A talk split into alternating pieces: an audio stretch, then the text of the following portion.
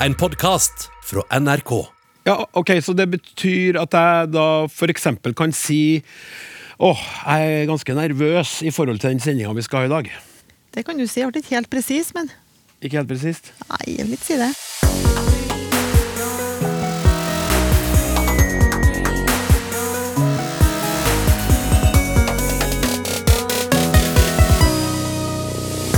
Er du en av dem som får fnatt når i forhold til brukes feil? Eller er du en av dem som bruker det feil i forhold til hvordan det faktisk skal brukes, og dermed gir andre folk fnatt? I dag skal vi forsøke å fjerne både fnatt og feil. Det er klart for I forhold til spesial. Du hører på Språksnakk, hvor vi også skal se på på og i i ulike sammenhenger. Mens ukas gjest i Ut med språket er Karoline Riise Christiansen, som i disse dager feirer ettårsjubileum som NRKs språksjef. Hun har selvfølgelig også et forhold til i forhold til. I likhet med vårt ekspertpanel, som denne gangen består av språkforsker Mari Nygaard, språkforsker Stian Horstad og sakprosaforfatter Kristin Fritun. Velkommen skal dere være. Takk. Takk for det. Ja, Etter at jeg sa 'har du et spørsmål eller et innspill', skriv til snakk krøllalfa nrk.no i aller første sending, så tok det ikke lang tid før vi begynte å motta lytterbrev som handla om i forhold til. Hei! Kanskje dere burde ta opp bruken av i forhold til? Jeg har en følelse av at man hører det oftere brukt feil enn riktig. Med vennlig hilsen Frank. Lokalavisa her, Hadeland, skrev nettopp har sendt tester i forhold til ny virusmutasjon, venter på svar. Jeg synes det er både dårlig og forvirrende språk. Hilsen Torgeir Løvold. Og Gabrielle skriver Hei! Flott at dere tar opp temaet i forhold til. Det er vanskelig å ikke ha et forhold til dette. Selv er jeg hyperallergisk mot den inflasjonsartede bruken av begrepet. Det har bredt om seg som et ugress eller virus som tar plassen fra andre, mer presise uttrykk. Hun er nok ikke den eneste som får utslett av det her, og det skal vi komme tilbake til senere i sendinga, men la oss nå spille av et potensielt allergifremmende fremmende lydklipp. enn at man skal sette eh, bransjer, næringer, opp mot hverandre i forhold til denne, eh, hva som skal Problemet er også norske politikeres eh, bunnløse naivitet i forhold, forhold til virkningene av det konkurransemaskiner som Men når vi kommer med mer åpenhet i forhold til smitteverntiltakene, Hvis vi vaksinerer de over 60 eller 65 år i et land, så får vi den beste gevinsten i forhold til helsegevinst. Nei, Jeg fikk jo litt assosiasjon i forhold til det som ble sagt her. Det siste som ble sagt, var jo det forholdet at penger vokser jo ikke på trær. Men man kan jo kanskje si at han har et poeng i forhold til at det er ganske få ord som brukes Altså, Og de aller mest utsatte i forhold til å kunne bli Og det forholdet, hvordan er det i dag? ja. ja. Her hører vi flere kjente stemmer. Frp Siv Jensen, tankesmed Magnus Marsdal, statsminister Erna Solberg, smitteverndirektør Geir Bukholm, programleder Klaus Sonstad, pensjonsekspert Alexandra Platte. Men det går såpass fort unna eh, når de her snakker, at de må innrømme at jeg ikke helt klarer å få med meg hvem som sier det feil, eller om de sier det feil, eller hvorfor de gjør det. Tror du jeg er alene om å ha det sånn, Stian Harstad? Nei, det tror ikke jeg. Det hører nok meg til at det her eh, foregår jo i en kontekst der det går unna. Sånn at du eh, kanskje må stoppe opp litt etterpå analysere hva det er som har blitt produsert. Så for mange så tror jeg det her går forbi, og det gir jo ofte mening ut av konteksten, så skjønner du jo egentlig hva det er for noe det er snakk om.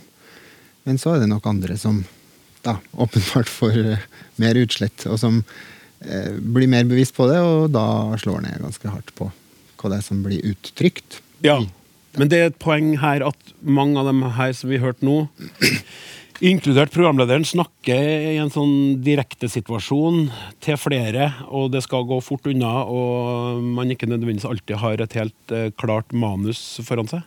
Ja, det tror jeg. Det er litt av grunnen til at det forekommer så ofte. Og hvis en eh, ser på denne frasen, så, er- fungerer det jo ganske ofte som et sånn lim i, i, i en setning eller i en, ja, et utsagn. Og da skjønner jo ofte den som hører på hva det er snakk om. Du skal føre sammen to elementer. Det er som det, det her limet skal brukes til. Men så altså det med at uttrykket har eh, en forhistorie med en viss betydning, og når det da blir brukt på andre måter, så blir kanskje limet litt dårlig. dårlig. Og så forstyrrer det eller tåkelegg, mer enn det faktisk eh, hjelper kommunikasjon. Mari Nygaard, hva tenker du? Hvis vi ser på preposisjoner, så er jo det ord som setter ting i forhold til hverandre. Eh, De kalles i dansk for forholdsord. Men så blir jo i forhold til et sånt uttrykk som på en måte kan dekke alle preposisjonene på en gang. Vi kan bruke dem på Vi putter det inn istedenfor en hvilken som helst preposisjon. Og da blir det jo mer upresist i en del sammenhenger. Ja. Men det fungerer jo, fordi som, som man sier, det, konteksten gjør at vi betydninga kommer fram, men det blir kanskje ikke like klart som vi skulle ønska oss at det var. Ja, det skulle vi ønske oss at det var, og jeg må bare si for min egen del at etter at jeg begynte programmet og har fått eh, påpekt at jeg bruker i forhold til feil, så har jeg fått et veldig merkelig forhold til i forhold til, eh, som jeg ikke hadde før. Men du er jo grammatiker, du vet jo hvordan det her skal være. Hva kunne Erna Solberg ha sagt her? Hva hva kunne vi andre ha sagt? Ja, hun sier jo et eller annet eh, Nå gikk jo fort for meg det her, da. eh, Men et eller annet i forhold til smittevern, der jeg tenkte at kanskje kunne ha brukt om smittevern. Eh, og så var det det her fantastiske eksempelet med at det var en gevinst for, i forhold til helsegevinsten. Det kunne jo bare vært den beste helsegevinsten. Så i mange tilfeller så handler det jo om å gjøre det litt mer effektivt. Få, gå litt mer rett på sak, eh, og få budskapet tydeligere frem. Ja, eh, budskapet tydeligere frem. Eh, så man, man tenker at man får budskapet tydelig frem, men man kunne ha fått det mye tydeligere frem ved å tatt bort i forhold til. Ja. Man bruker fordi man tror at når jeg sier det her nå, så skjønner jo Fordi at en annen preposisjon kanskje ville vært mer spesifikk. Mm. Hva, er, hva er egentlig fasiten her, da? Eh, når skal i forhold til brukes? Så må du gi oss en glassklar vei- veiledning. Og jeg sier oss, så mener jeg ikke minst meg. meg. hjelp, hjelp meg. Men da må du lov å bruke det etterpå, da. Etter denne sendinga. Ja, Ja. Og fremover. Og framover, Ja, ja. Uh, nei, hvis vi spoler litt tilbake da, så, uh, og tenker på ordet forhold, tar utgangspunkt i det, så uh, kan jo det ha ulike betydninger hvis vi slår opp i ordboka. Det kan jo være en form for omstendighet, sånn at det er fine forhold i skibakken f.eks. Eller det kan være en sak, eller en type kjensgjerning. Altså dette forholdet er belyst i disse dokumentene. Eller det kan være en forbindelse, sånn at du har et dårlig forhold til kollegaene dine f.eks. Men akkurat den betydningen som ligger i, i uttrykket 'i forhold til', det er jo mer det som handler om eh, proporsjon eller samsvar, altså som du finner i uttrykket 'forholdet mellom liv og lære', eller at eh, resultatene ikke står i forhold til innsatsen, f.eks. Og da beveger vi oss inn på det her at i forhold til opprinnelig er jo et type sammenligningsuttrykk. Der, eh, er jo på en måte, der er det jo godkjent. Der er det jo greit å, å bruke det. Det er jo, som du har flere vært inne på nå, så er det jo sånn at folk er litt allergiske mot det her. Men i en del sammenhenger så er det jo også, da også greit å bruke det. Det er ikke sånn at vi skal unngå det i alle sammenhenger. Og blant annet når det da er snakk om proporsjoner som en del i forhold til en helhet, eller at altså nesa mi er liten sammenligna med en snabel, men den er stor i forhold til fjeset mitt, f.eks. Ja. Uh, uten at vi trenger å snakke om nesa mi, da. Men uh, altså, den er forholdsvis stor i forhold til noe annet. Og så vil det jo fungere da nettopp fordi at i forhold til et så såpass uspesifikt uttrykk kontra andre proposisjoner, så vil det nettopp fungere når man skal beskrive noe ganske åpent. Eh, skal man si at eh, ja, hvor stort er den tingen i forhold til den tingen? Still et sånt åpent spørsmål. Eller hvor ligger bussholdeplassen i forhold til skolen? Der er det jo riktig å bruke i forhold til, for da vet du nettopp ikke om det er foran eller bak eller over eller under, eller hvor det nå er. Ok, jeg syns det ble litt klarere. Og det jeg tenker da, er jo at uh, det der burde jeg jo greid å forholde meg til. Men så bruker jeg jo forhold til feil lell. Og hvorfor gjør jeg det da, Stian, når det egentlig er så åpenbart når det skal brukes? Hva er det som, er det som skjer, og hvorfor er det blitt sånn? Nei, si det. Det har nok det som vi også var inne på til å begynne med, noe med kampens hete. Det her eh, oss produserer utro, utrolig mye språk eh, uten at vi egentlig bruker så mye krefter på det. det er, sånn sett er språkmaskinen vår ganske imponerende. Um, så kanskje ja, har det noe med språkbevisstheten vår. Og det, det er jo anvendelig, som Mari nå har vist, at det, det kan jo brukes som en sånn general preposisjon. Sjøl om det da kan eh, forkludre mer enn det oppklarer. Så det er, det er liksom logisk. For å bygge en setning som blir hel, så, så gjør du jobben din. Eh, så er det jo spørsmålet om det her òg henger sammen med en slags eh, bevissthet som, som en kan kalle en motesak. At du, at du blir bevisst på at 'å ja, Erna Solberg bruker det, da skal jeg bruke det òg'. Altså at det er sånne mekanismer som slår inn. Erna som har skylda, vet du. Ja, det tror ikke jeg. Det, det er så enkelt. Men jeg tror nok at forekomsten i viss brukssammenheng, som kanskje er litt sånn formell, saklig, gjerne kanskje politikertilknytta, har bidratt til spredninga. Mm. Eh, Sånn at eh, du vil du, du adopterer noe som du eh, vet er knytta til en saklig framstilling, og så bruker du det gjerne sjøl. Mm. Eh, Og da kan det nok bli brukt i planlagt eh, tale òg, eller altså at du har manus, så det, det forekommer. Men jeg tror den store sånn, eh, hyppigheten kommer nok litt av at det her er et typisk eh, spontanfenomen. Og at det dukker opp spesielt når du ikke har hatt tida til å bygge sammen setningen din, så bruker du det her limet. Ja. Og kanskje overforbruker det.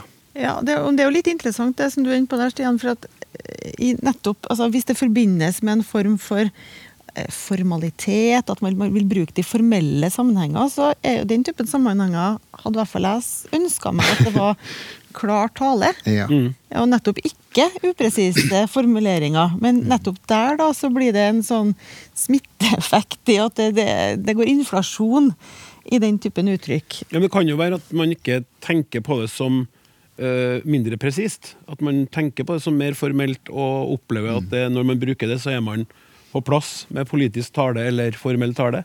Det blir en type sånn stilmarkør, Ja, stil, egentlig. da. sånn, ja, det- ja, nå er jeg inne for det. Mm. Ja, det jeg vet ikke. Men Kristin eh, Fritun, eh, du holder jo ofte foredrag eller kåserier i ulike sammenhenger. Hender det da at i forhold til dukker opp? Ikke hos meg, men det er fordi at jeg skriver eh, foredragene mine ned på nynorsk, der jeg kjører ei restriktiv linje. Bruker ikke forhold, ordet i forhold i det hele tatt. Jeg tror ikke jeg bruker det så mye muntlig hell, men nettopp sånn Hvis jeg skal svare litt fort på noe, så kan det hende at det skjer, faktisk. Men det som oftest skjer når jeg holder foredrag, er at folk stiller spørsmål på slutten, og da kommer irritasjonsmomenta. Da skal de eh, ha meg ofte da til å stadfeste at noe er irriterende eller eh, sånt noe, og i forhold til eh, blir ofte nevnt. Jeg har jo en litt sånn, jeg liker å observere, da. Og hva er det de irriterer seg over, og offer blir noe et irritasjonsmoment. Og jeg mener jo at irritasjonsmoment, sånn som i forhold til at det det er noe folk på en måte blir opplært til å irritere seg over. Og Ja. Det kan skje f.eks. gjennom radioinnslag som dette her. Noen som ikke har tenkt Oi. på at det er noe å irritere seg over. Og så tenker å ja, her har de argumentert for at dette er upresist. Og så begynner de å legge merke til det, og så blir det mer og mer forstyrrende. Og så sitter de i klisteret. Så, um, så hvis en skal uh, få slutt på irritasjon over i forhold til, så må en slutte å omtale det som et uh, irritasjonsmoment, tror jeg.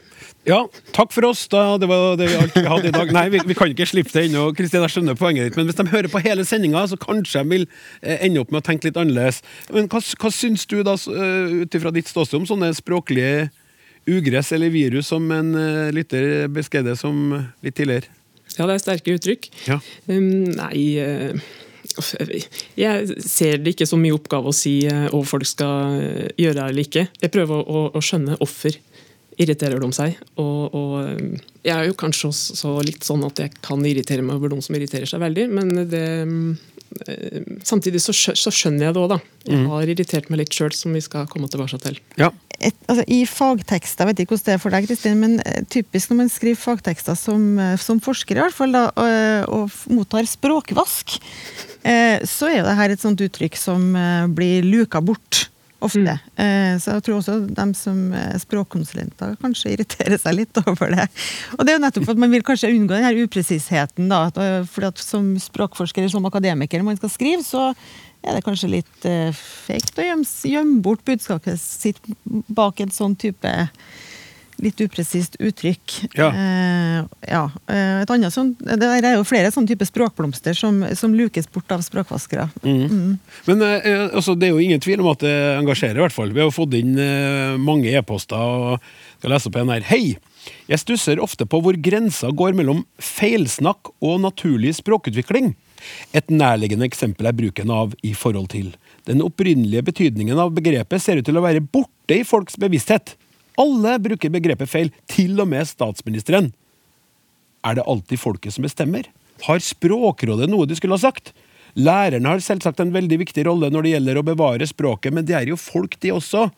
Smilefjes. Hilsen Ingrid. Og det er flere som lurer på Språkrådets rolle. Nils Forsén skriver blant annet Hei, Språksnakk, takk for fint program.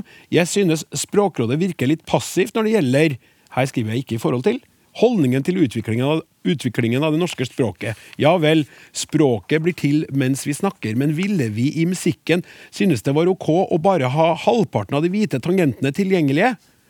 Preposisjonene er viktige for å uttrykke betydning. Derfor er jeg en svoren tilhenger av Per Egil Hegge og alt han har skrevet i Aftenpostens språkspalte. Stian, hvilken rolle har egentlig Språkrådet i sånne tilfeller? Kan de bestemme over det talte språket?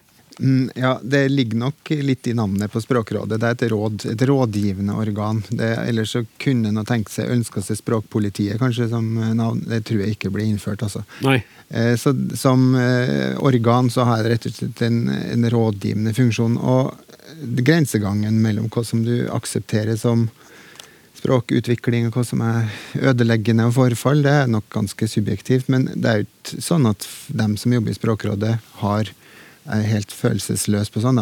Det, finnes, det kan jeg avsløre, det fins folk som irriterer seg grenseløst der òg. Men hva skulle det ha blitt håndheva, da? Skulle det ha funnes en, bot? Kunne ha gått rundt og Enkelte ønsker seg det, jeg vet det. Men det er noe med at det er rett og slett ikke gjennomførbart å skal drive og overvåke befolkning på fem-seks millioner. Det er mye politikere som bruker det, så hadde jo det kan, det kan ja, ja, det hadde vært spennende. Så jeg tror nok at det, Selv om eh, Språkrådet òg har med lovgivning, men det handler om lovgivning på, på ja, statsorgan og sånne ting. Det har ikke noe med enkeltpersoner sin språkbruk å gjøre. Mm. Der kommer de med råd. og Hvis en går inn på Språkrådet sine nettsider, så finnes det masse anbefalinger og rådgivning, så det går an å få gode tips der. Og det er i all hovedsak fundert på at språkbruken skal fungere. Mm. Altså Det er et velfungerende språk, og der kan du jo si at da begynner vi i forhold til å bli et problem. For det, det får jo det, det, da funker jo ikke kommunikasjon. Mm. Så der kan du si at da tipper du over eh, grensa for hva som er akseptabelt, fordi at kommunikasjon eh, lider under at det blir for uklart. Og da kan du si at det er grunn til å ja, trekke i nødbremsen eller skrike opp om det. da, Og det gjør jo Språkrådet òg, når de ser at det her det fører med seg eh, dysfunksjonell kommunikasjon så det da eh, det kommer forskjellige saker fra Språkrådet, mer enn at en skal drive og passe på å dele ut eh, poeng eller straff eller stjerner i språkførerkortet ditt. Ja, skjønner. Vi, vi hørte jo Per Egil Hegge bli nevnt her, og han er det flere lyttere som er opptatt av. Hei! Jeg må innrømme at jeg tilhører heggefløyen når det gjelder bruk av i forhold til, og har derfor kunnet glede meg over mange ufrivillig morsomme utsagn opp gjennom årene. Mitt favoritteksempel stammer fra Språkteigen for et knapt år siden, hvor en språkforsker i forbindelse med et intervju av en språkbruker fikk seg til å si dette er jo kjempeinteressant i forhold til min egen forskning. Snakk om å desavøre sin egen virksomhet. Hilsen Tom Christensen. Og det er et godt poeng. Og dere med Per Egil Hegge, hva slags betydning har han hatt, Mari? I forhold til I forhold til, I forhold til, i forhold til ja. Eh, ja, ja. men altså, det her er den sendinga jeg skal bruke på å lære, så nå lar vi den stå. Vi klipper den ikke bort. Nei, det er etter sendinga du skal bli skal renselt. Ja. Eh, nei, eh, forholdismen er jo et begrep som eh, da assosieres med Hegge. Eller som det er egentlig han som er opphavsmannen til. Eh, du sa et eller annet med at de som er knytta til Hegge Jeg vil nesten gå så langt som å si at det er, en slags, det er nesten på grensa til å bli en sånn trosretning for dem som ikke liker i forhold til denne forholdismen. Og det er jo masse, Hvis man googler det her, så er det jo masse medieoppslag. Det er Twitter-kontoer som nærmer seg 2000 følgere.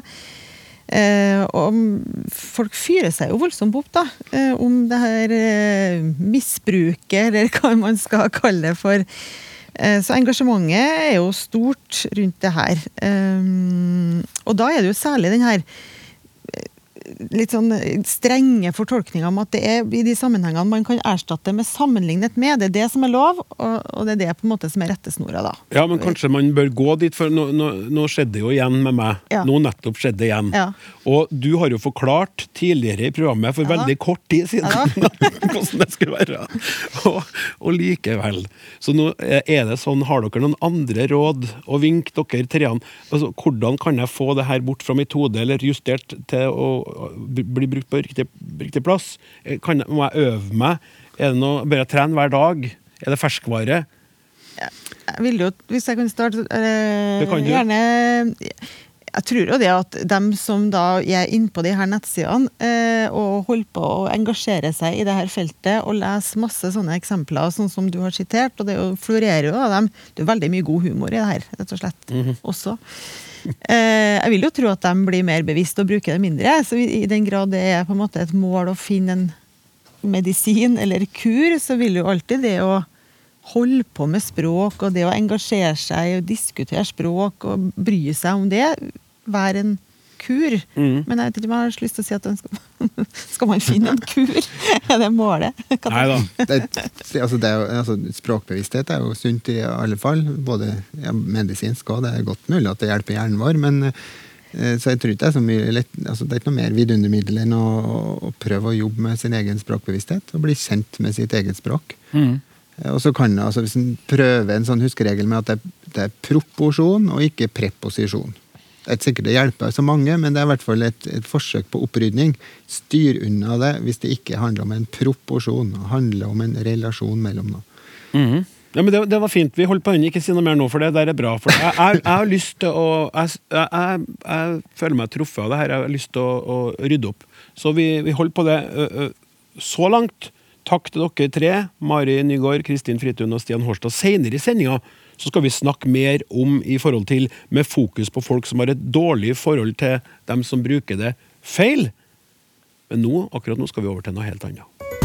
Språksnakk i appen NRK Radio. Kanskje har det med alderen å gjøre, men eh, nå hender det med jevne mellomrom at noen av dem som jeg har som venner på Facebook, forteller at eh, noen som står dem nær, har gått bort. Og under den eh, posten så er det mange som kondolerer. Jeg er en av dem som ikke syns at kondolere fungerer så bra for meg å skrive. Og det var også en lytter som skrev inn til Språkteigen i fjor og uh, lurte på ordet kondolere, samtidig som han lanserte at det var mulig å si 'signe minne'. Hør på det her. Signe minne er flott sagt. Og det er ikke bare fordi at det er norsk, kondolerer er jo latin, men uh, det er et flott uttrykk, så hold fram med det. Sa Sylfest Lomheim, og jeg må innrømme at jeg syns det er et fint uttrykk, signe minne.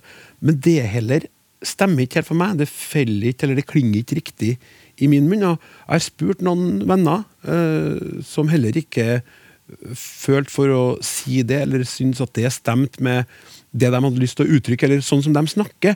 Og det jeg lurer på, kjære lytter, det er om du sier noe annet enn kondolerer og eller signe minne. Fins det noe mellom der? Eller har du stått i en situasjon der du har mista noen, og folk har kommet bort til deg og sagt noe som du syntes var fint sagt, som ikke var verken kondolerer eller signe minne, så vil jeg veldig gjerne høre fra deg. Da skriver du til snakk, krøllalfa, nrk.no, og deler det her begrepet eller uttrykket med meg og oss. Nå skal vi over til ukas gjest i Ut med språket. For ett år siden så tok hun på seg jobben som språksjef i NRK. Men hun hadde nesten ikke rukket å sette seg bak pulten på kontoret før første sjefsavgjørelse måtte tas. Skulle korona skrives med K eller C? Karoline Riise Kristiansen, velkommen til oss. Ja, takk for det. Nå har du jubileum, du, som språksjef i NRK. Ja, tenk på det. Det er gått så fort. Ettårsjubileum som språksjef i NRK. Hvordan har det her språksjefåret vært for deg? Jo, det har jo vært veldig interessant, for det første. Mhm. Og det har jo vært et veldig spesielt år for alle. Dette året her. Eh, og som for språket har jo det vært kjempespesielt. For det har jo vært så mange nye ord og uttrykk. Og vi har blitt utfordra på hvordan vi bruker språket vårt i krisetid. Mhm. Så det har vært, veldig interessant og spennende. Ja. Det har det virkelig. Ja. Hvordan syns du NRK har klart seg, med tanke på det du sa nå nettopp, om eh, utfordringene man har stått overfor? Jo, jeg syns NRK har greid seg veldig bra. Og det har jo selvsagt vært noen utfordringer, da. Som du sa, så har jeg ettårsjubileum. Og det aller første jeg eh, måtte ta stilling til, vet du hva det var? Nei? Det var korona med C eller K. Ja. Det var første dagen min på jobb. Ja. Og da er det jo sånn at korona, det er et ord som vi har i ordbøkene våre fra før. Så derfor så skriver vi det med K. Og så baller det jo bare på seg litt, da, vet du. Både med det med presisering av språket for at det skal være korrekt. For om vi sier feil, så kan vi jo i verste fall eh, spre frykt, mm. ikke sant? Mm. Og det med å bruke ordet rett Bruke ordene rett, f.eks. at vi har sagt at vi forventer at så og så mange blir smitta eller dør. Mm. Forvente er jo et ord vi forbinder med positiv tilknytning. ikke sant? At det Mm. er positivt lada. Der skal vi helst si vente eller frykte. Og så er det alle disse her nye ordene som er kommet inn i språket vårt. Og årets ord, det ble jo koronaen, ikke sant? Men det er jo så mange andre ord. Hytteskam og nasjonal dugnad og koronafast. Og vi kunne jo ha hatt et eget program bare om det. Ja, det kunne vi absolutt hatt.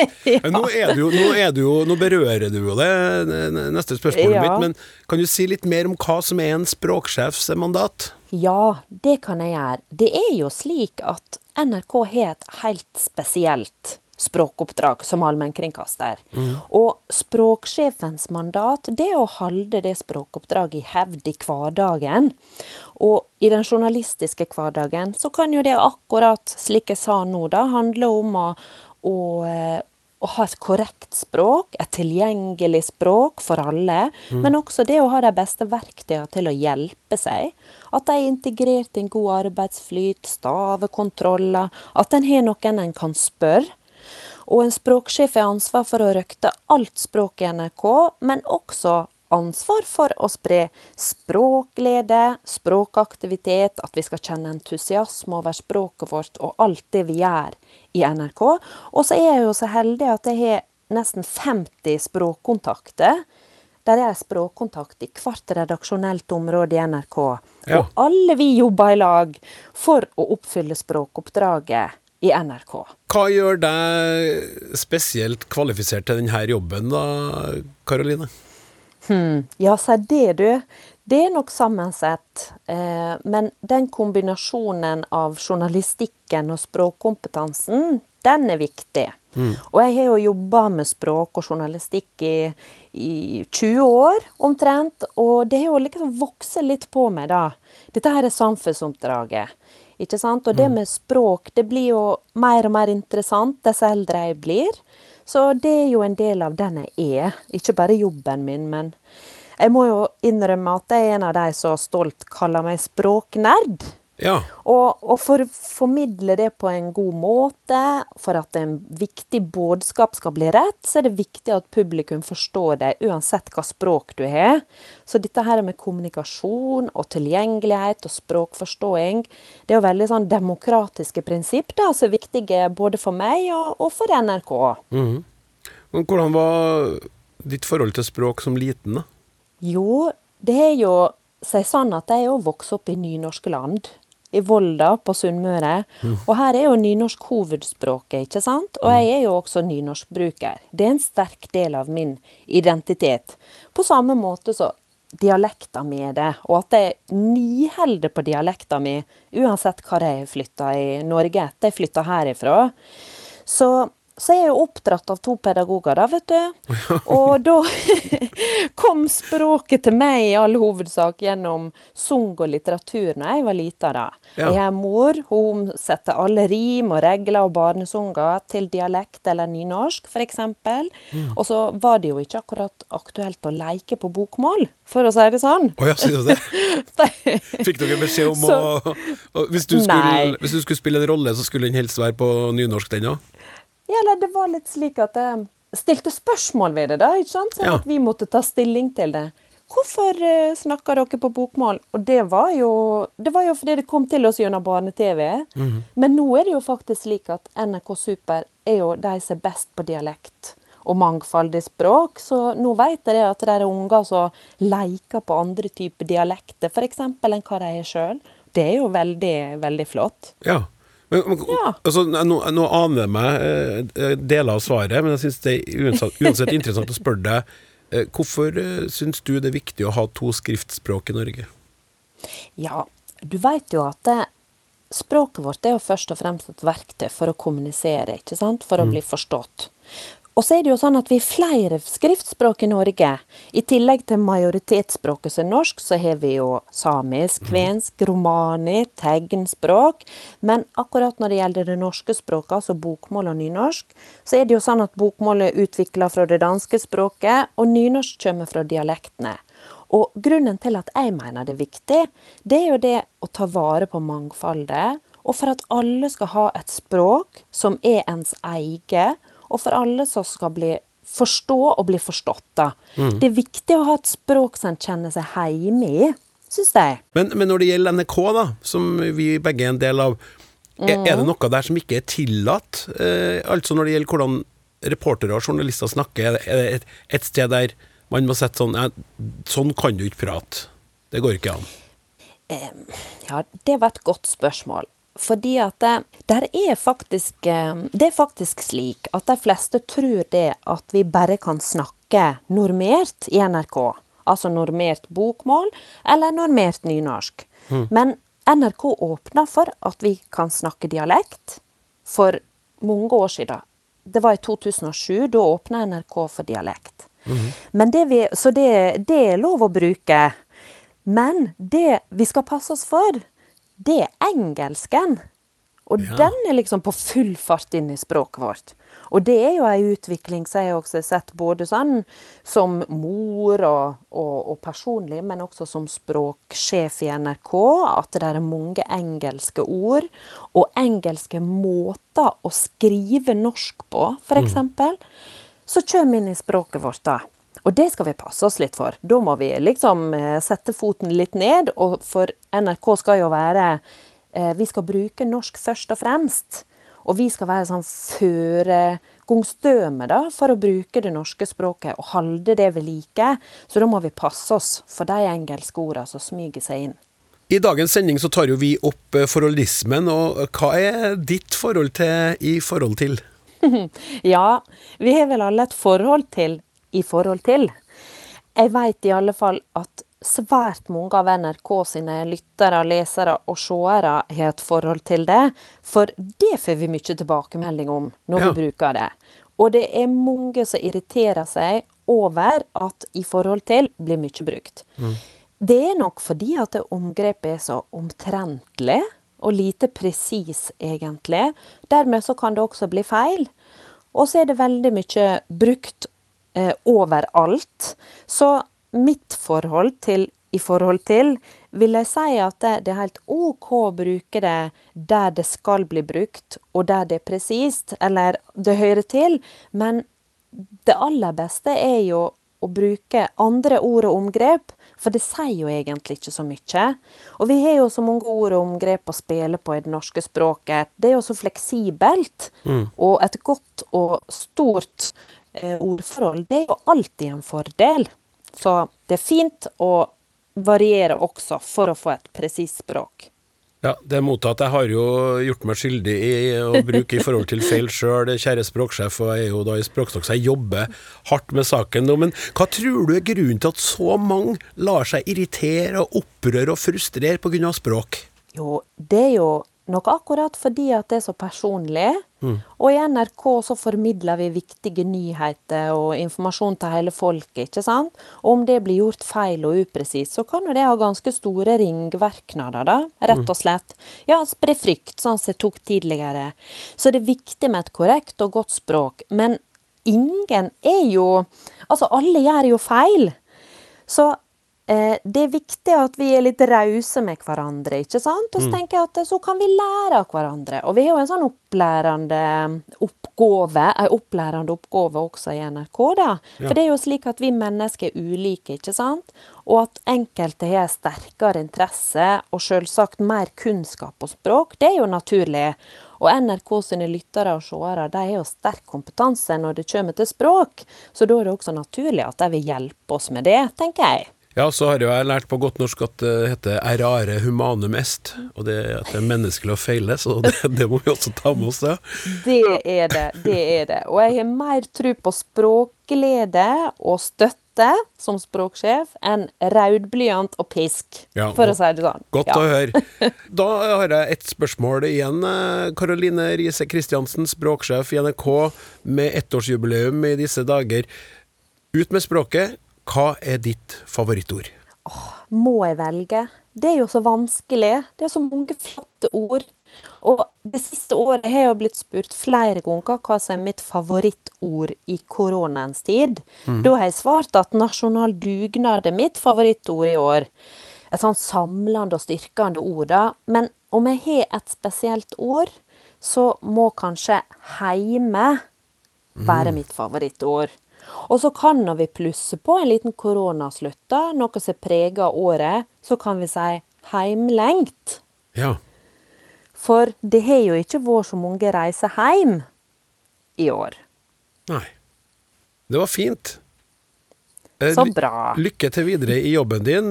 Godt å vite at noen eh, passer på og tar eh, vare på oss og røkter NRK-språket. Ha en fin dag og et fint år videre.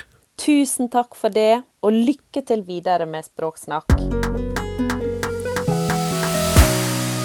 Ja, språksjefen i NRK bekrefter at eh, det temmelig omtrentlige uttrykket i forhold til både engasjere og provosere lyttere, lesere og seere som er knytta til NRK. Vi har fortsatt med oss Ekspertpanelet med Mari Nygaard, Stian Hårstad og Kristin Fritun. Og du Kristin lanserer en ny bok om ikke så lenge. 'Kunsten å irritere seg over skrivefeil'. Eh, hva handler den om? Det er ei bok som, eh, som dreier seg om eh, språkirritasjon. Jeg har hovedvekta på, på skrivefeil, men jeg skriver om andre språklige irritasjonsmoment òg. Mm. Og det som er hovedspørsmålet i boka, det er hvorfor blir noen veldig opprørte, tar skrivefeil og, og andre former for språk som bryter normer og oppfatninger om korrekt språk, mens andre ikke er plaga. Hva er som skilnaden mellom disse gruppene? Det er eh, hovedspørsmålet. Det er så spennende og så perfekt for eh, oss i dag. Men hvordan kom du på å skrive en sånn bok, da? Det var eh, litt Jeg jobba med ei bok for noen år siden der jeg skrev om metaforer i språkdebatten. Og så I samband med det arbeidet så las jeg en del sånne kommentarfelt og diskusjonsforum. Og samla opp da, en del materiale der det var mye irritasjon. Og så holdt jeg et kåseri om det en gang, og, og da fikk jeg så mye presseoppslag. Eh, Folk syntes det var så interessant at dette spørsmålet hvorfor irriterer vi oss over språk, og hvorfor irriterer noen seg veldig. Så var det vel redaktøren min som sa du kan jo skrive en bok om det. Så det har jeg nå gjort. I det her arbeidet, så Du nevnte med at vi mennesker tydeligvis befinner oss i forskjellige kategorier når det gjelder irritasjonsgrad. Eller har du hva si litt mer om de forskjellene på folk når det gjelder evnen til å irritere seg? Ja, Da vil jeg jo først eh, si noe overordna om irritasjon. For det prøver jeg å si noe om i boka. Altså, hva er det å irritere seg, og hva er det å være irritabel? Og det å irritere seg over ting andre folk gjør, det har et element av sjølhevding i seg.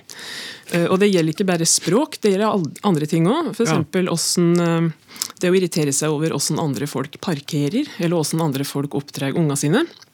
For når vi irriterer oss, så sier vi indirekte Se så dumme de er. Så dum er ikke jeg. Hvis jeg hadde parkert denne bilen, eller hvis jeg hadde formulert denne setninga, så hadde det blitt så mye bedre. Det ligger litt innbaka her. da. Noen er rett og slett mer opptatt enn andre av å ha rett, og å vise andre at de vet hva som er rett og best. Og Det kan handle litt om åssen vi er som personer, men også litt om hen vi er i livet. Sånt. Og Her ligger det et håp, da, at vi er ikke låst til én kategori. Altså Om du irriterer deg nå, så kan du i framtida være irritasjonsfri. Ja, ok, nå har, du, nå har du satt opp det som et sånt uh, fyrtårn. Ja. Men, men hvis vi går litt inn på de ulike kategoriene, da, eller gruppene. Ja, det fins jo ei uh, artig uh, dame, Erika Ribu, som har skrevet noen kronikker om forholdisme. Hun går jo sjøl ut og sier at hun er hypersensitiv for i forhold til, og hun har delt folk i fire grupper. Du har gruppe én, som er sterkt plaga av i forhold til, og som går til direkte aksjon. Så har du gruppe to, som òg er sterkt plaga, men som har en mer unnvikende aksjonsmåte. Ja. Så har du gruppe tre, som forstår problemet, men ikke ser noen grunn til å gjøre så mye med det. Eller ikke blir så sterkt plaga. Og så har du gruppe fire, som ikke forstår problemet og sprer uttrykket. ja. Hei, hei. Men gruppe fire, da, de som sprer uttrykket, kan jo bli rykke opp til gruppe én og to. Hvis noen sier du, du sier i forhold til, det er irriterende. Og så blir de sånne som irriterer seg, da. Ja, vi skal, vi skal straks komme til det, men, men hvor befinner du deg, Kristin, blant de her kategoriene eller gruppene? Hvor er du hen? Jeg var eh, lenge i gruppe to. Altså sånn som Ja. irriterte meg, men jeg er konfliktsky, så jeg fikk meg aldri til å si det, så jeg led i det stille. Nå har jeg rykka ned til gruppe tre. Så jeg faktisk, jeg har vært plaga, er ikke plaga. Ja, eh, så fint for deg. Men en som definitivt befinner seg i gruppe én, skulle jeg i hvert fall anta, eh, eh, og, og si fra, er deg, Erlend Lånke Solbu, til daglig journalist her på NRK Tyholt. Mm. Hva tenker du om Kristin sin beskrivelse av gruppe én-irriterte må si fra?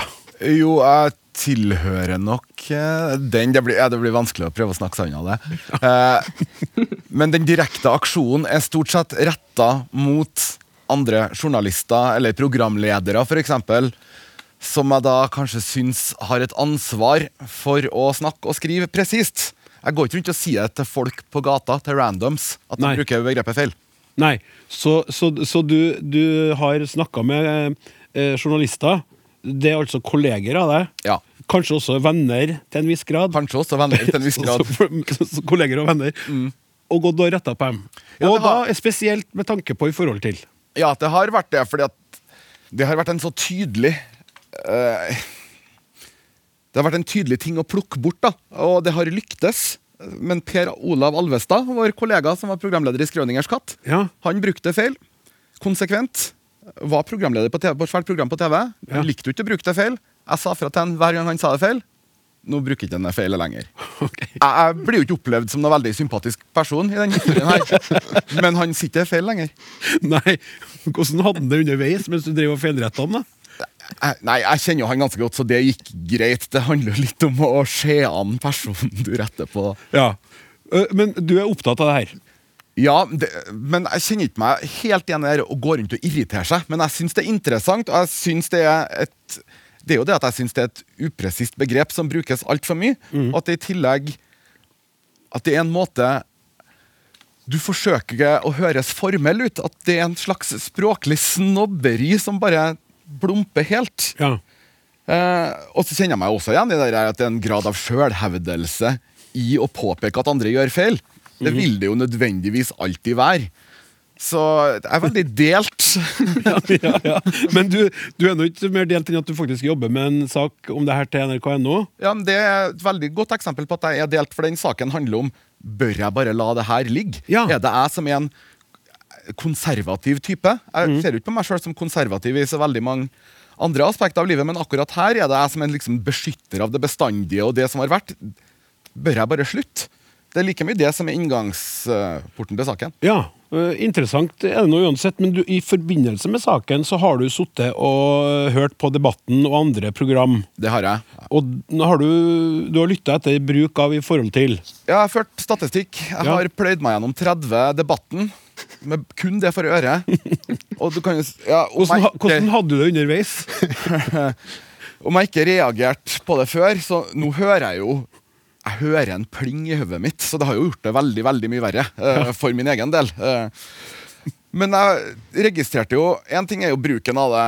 Det var 67 Jeg tok en sånn kjapp opptelling. 67 ganger brukt. I beste fall upresist, kan vi si. da De siste 25 eh, episodene av debatten. Da er det stort sett som et sånt lim som det har vært prata om i stad. I en oppramsing. Eller, ja. Det som er litt oppsiktsvekkende, er jo hvor få ganger det er brukt riktig. Det er snakk om treffer i gang.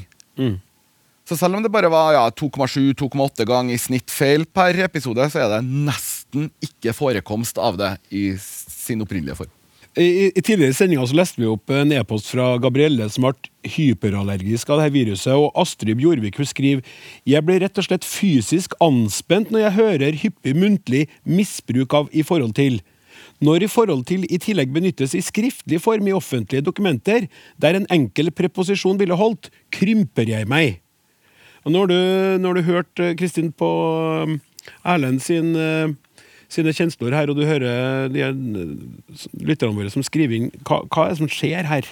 Ja, jeg tenkte jo at han uh, irritable i studio kanskje er litt sånn mellom gruppe 1 og 2. Han er ikke av de mest uh, krakilske, virker det som. Men uh, nei, altså dette her å liste opp uh, sterke fysiske reaksjoner som en får i møte med et språktrekk, det er en ganske vanlig uh, sjanger som jeg har sett mye på internett. Uh, at en, en får det er spasmer og uts- utslett er veldig vanlig, men frysninger, brekninger, jeg har sett andenød, hjerteflimmer. Det er liksom ikke måte på um, det er litt sånn konkurranse om å få de verste fysiske reaksjonene. Men det vi Det fins noen sånne studier av oss hva som skjer i hjernen når vi møter eh, hva skal vi si, irritasjonsmoment. Jeg har ikke sett noen som har undersøkt i forhold til. Men det kan nok hende at hjernen liksom kvepper lite grann. Så eh, det er ikke farlig for hjernen, men hvis noen syns at, at de kjenner liksom at det lugger eller skurrer, så, så, så kan det faktisk hende at eh, hjernen skvetter lite grann. Da. Det kan hende. Ja. Nå, nå Erlend, så hører jo du et pling i hodet. Jo, noen, har, du, har du kjent på noen andre ting? Kan, kan, du få, kan du få noen fysiske utslag når du hører i forhold til uttales feil gang på gang? Nei, jeg tror ikke jeg, jeg tror ikke jeg kan si at det er fysisk, men det, det er så avhengig av avsender òg. Og det kan bli mer fysisk dess, eh, dess mer jeg syns avsender burde ha visst bedre. Ja. Og jeg får en kraftig reaksjon av mye kraftigere reaksjon av å lese det. Enn å, for det er jo mye lettere å, å bare ha det ut av seg når du skal snakke på innpust og utpust i en debatt, enn når du skal sitte og formulere noe og synes du er høytidelig og bruke det begrepet. Det, da kan jeg ja, eh, skutte meg litt. Ja. Eh, Mari, hva tenker du om Erlend sitt engasjement her? Jeg kjenner meg veldig igjen i det siste du sier, som jeg syns er en veldig sånn sympatisk inngang der. med at det Hvem er det som er avsender? Burde ha visst bedre forholdet mellom skrift og tale. og det er Særlig forholdet mellom skrift og tale er jo essensielt. her. Hvilken type dokument er det snakk om? Eh, da er vi litt tilbake der vi starta. At eh, det, en ting er jo aksen mellom hva som er feil og hva som er rett her. Den kan vi jo eh, diskutere til vi blir blå. Men så er det noe med, her med at i hvilken grad det kommer fram klart og tydelig hva budskapet er, og i hvilken grad man prøver å gjemme bort budskap bak en sånn staffasje som eh, en del sånne uttrykk, bl.a. i forhold til, kan bidra til. da. Mm.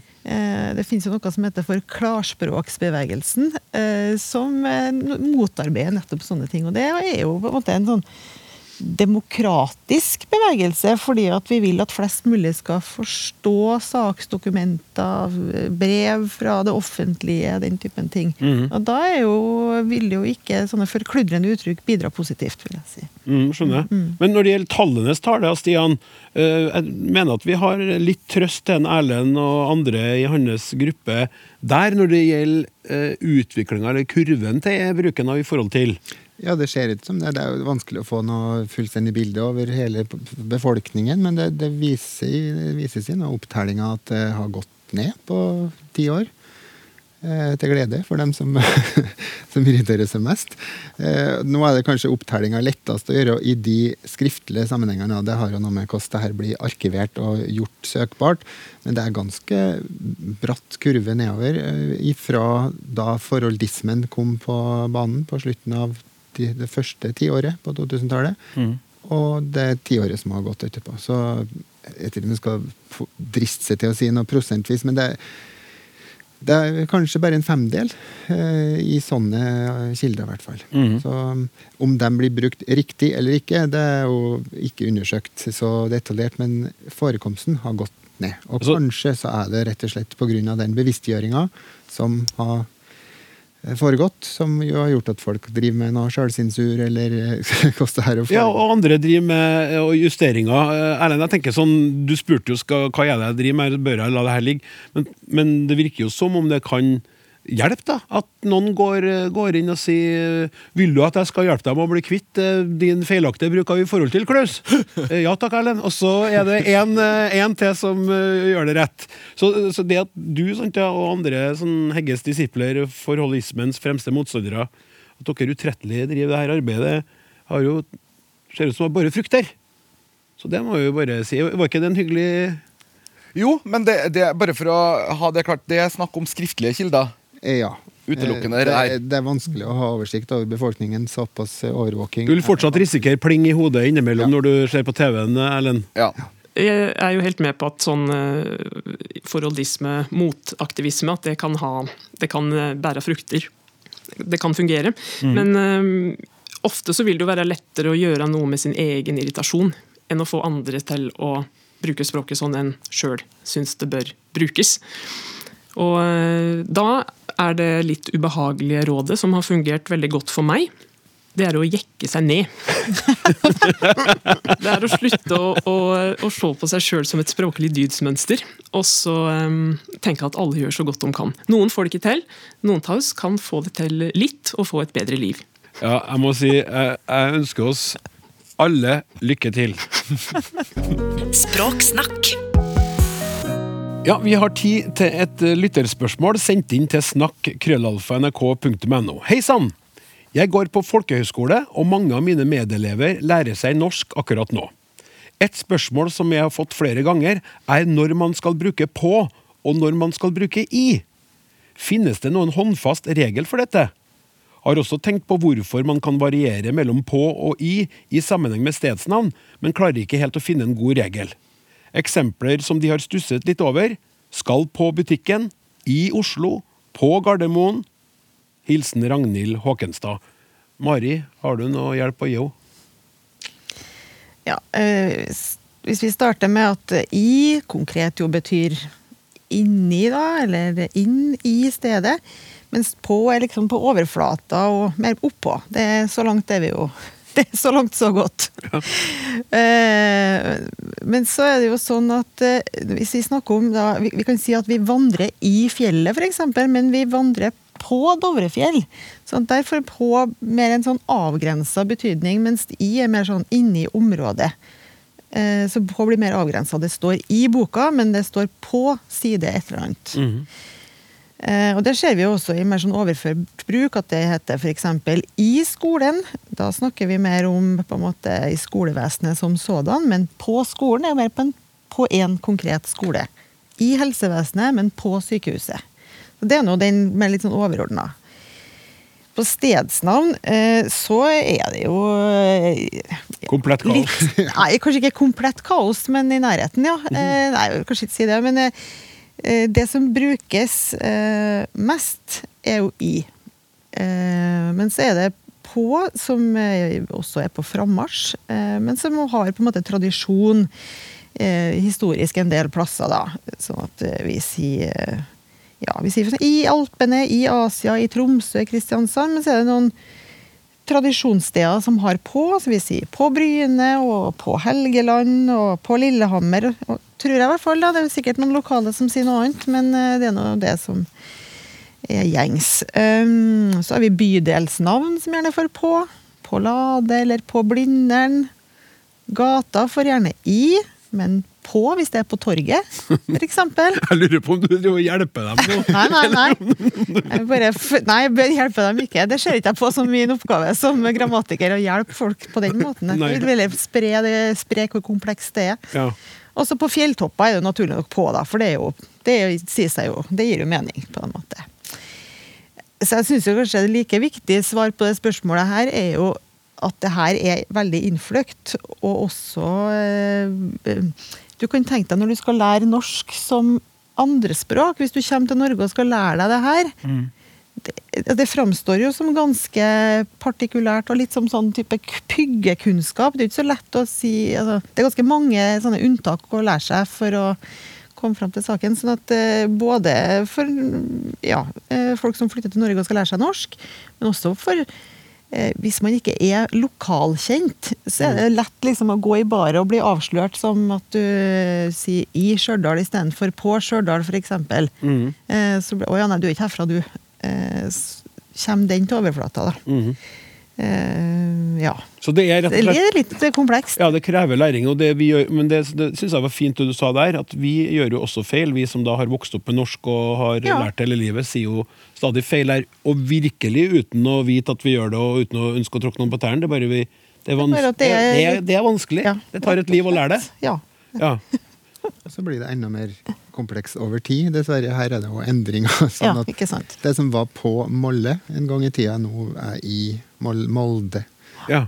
Så ja. Så det er endring, ja. Liten trøst, beklager, men det er jo endring i tid.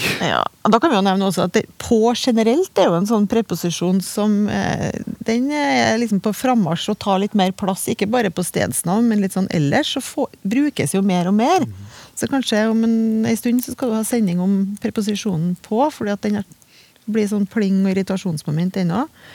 Man sier f.eks. å være på gang, eller ha rett på noe, eller kjø, jeg, skal, jeg kjører på med det. Altså, den, den dukker litt opp litt her og der, da. Ja. Mm. For å unngå å skape den totale fortvilelse nå for de her eh, stakkars menneskene som Ja, skal prøve å lære seg det her lille språket i den store verden, så tror jeg vi setter strek der og sier takk for hjelpa. Ja, vel bekomme. Språksnakk er slutt for i dag. Tusen takk til eksperter og gjester. Produsent Hilde Håbjørg, tekniker Martin Våge og programleder Klaus Sonstad vinker farvel. Vi snakkes! Du har hørt en podkast fra NRK.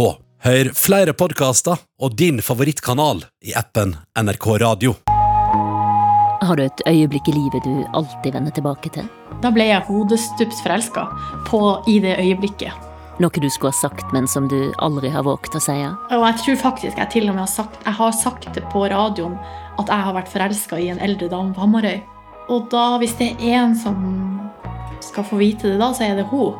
Noe du skulle ha gjort før det er for seint? Noe av det er jo veldig vanskelig å forklare, og det høres stalkeraktig ut. Det er ikke sikkert alle syns at det er noe hyggelig. I podkastserien Usagt møter vi folk som sier ting de aldri før har sagt, og som hopper ut i det de er aller mest redde for. Usagt kommer 17. februar i appen NRK Radio.